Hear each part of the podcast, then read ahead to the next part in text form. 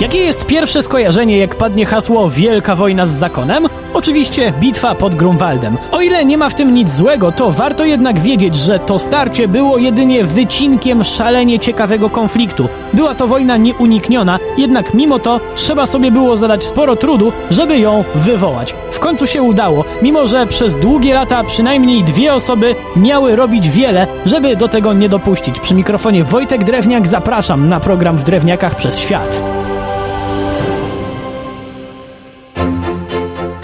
Powiedzmy sobie jasno, nasze relacje z krzyżakami nigdy nie należały do najlepszych. Jednak na przełomie XIV i XV wieku zaczęło się robić wyjątkowo ostro. Z jednej strony Litwini nie mogli pogodzić się z utratą Żmudzi, z drugiej Polacy czuli się coraz bardziej zagrożeni przez sąsiadów z północy, bo ci coraz odważniej mościli się na terenach nowej marchi niemieckiej, otaczając coraz mocniej nasz kraj. Nikt nie miał wątpliwości co do wrogich zamiarów krzyżaków. Sami zakonnicy też nie mieli wątpliwości, że cierpliwość Polaków i Litwinów kiedyś się skończy. Jednak u jednych i u drugich byli ludzie odwlekający nieuniknione. U nas miała to być żona króla Władysława, uwielbiana Jadwiga Andegaweńska, która jako jedyna potrafiła ugłaskać króla. Po stronie krzyżaków kimś takim był wielki mistrz von Jungingen, ale zaraz. Czy to właśnie nie von Jungingen wypowiedział nam wojnę? Owszem, ale to Ulrich. Zanim jednak został on najważniejszym krzyżakiem w zakonie, to to stanowisko piastował jego brat Karol. Zupełne przeciwieństwo Ulricha, jeśli chodzi o politykę zagraniczną. Nie chciał wojny, wolał dyplomację. Wiedział jednak, że zdecydowana większość kolegów w białych płaszczach nie podziela jego względnie pacyfistycznych poglądów. Sam Karol miał stwierdzić, że jak umrze, to będzie taka wojna, jakiej ludzie dawno nie widzieli. I miał rację. Karol zmarł w 1407 roku, a nowym mistrzem został jego brat, który się nie patyczkował. W kolejnym roku krzyżacy odkupili kolejne przygraniczne tereny od polskich lenników. Jagiełło wściekł się niesamowicie.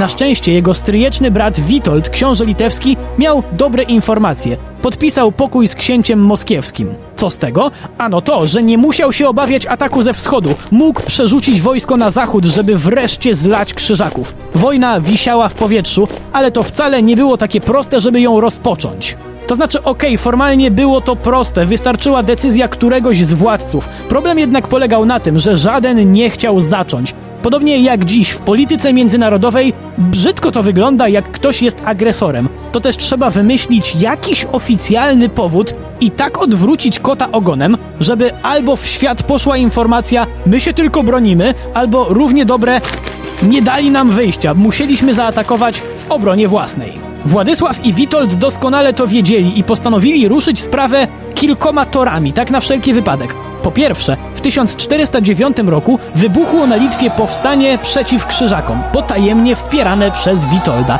Jednak największą szpilą, jaką panowie wbili krzyżakom, było poddanie w wątpliwość sensu istnienia krzyżaków na zajmowanych u nas ziemiach. Po co tam jacyś nieudolni zakonnicy, jak oni we dwóch mogą zarówno propagować, jak i bronić chrześcijaństwa na wschodzie? Do tego argumentu zresztą jeszcze potem wrócili. Wielki mistrz wiedział, co się święci, ale dla zachowania pozorów wysłał do Jagiełły poselstwo.